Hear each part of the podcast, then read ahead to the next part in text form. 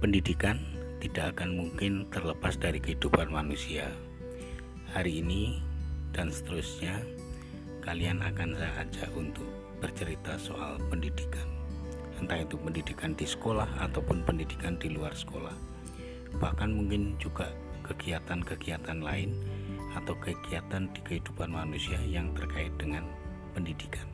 Hidup itu pendidikan, oleh karena itu mulai dari ini ikutilah podcast kami karena Anda atau saudara akan saya ajak untuk menuju ke penjelajahan dunia pendidikan.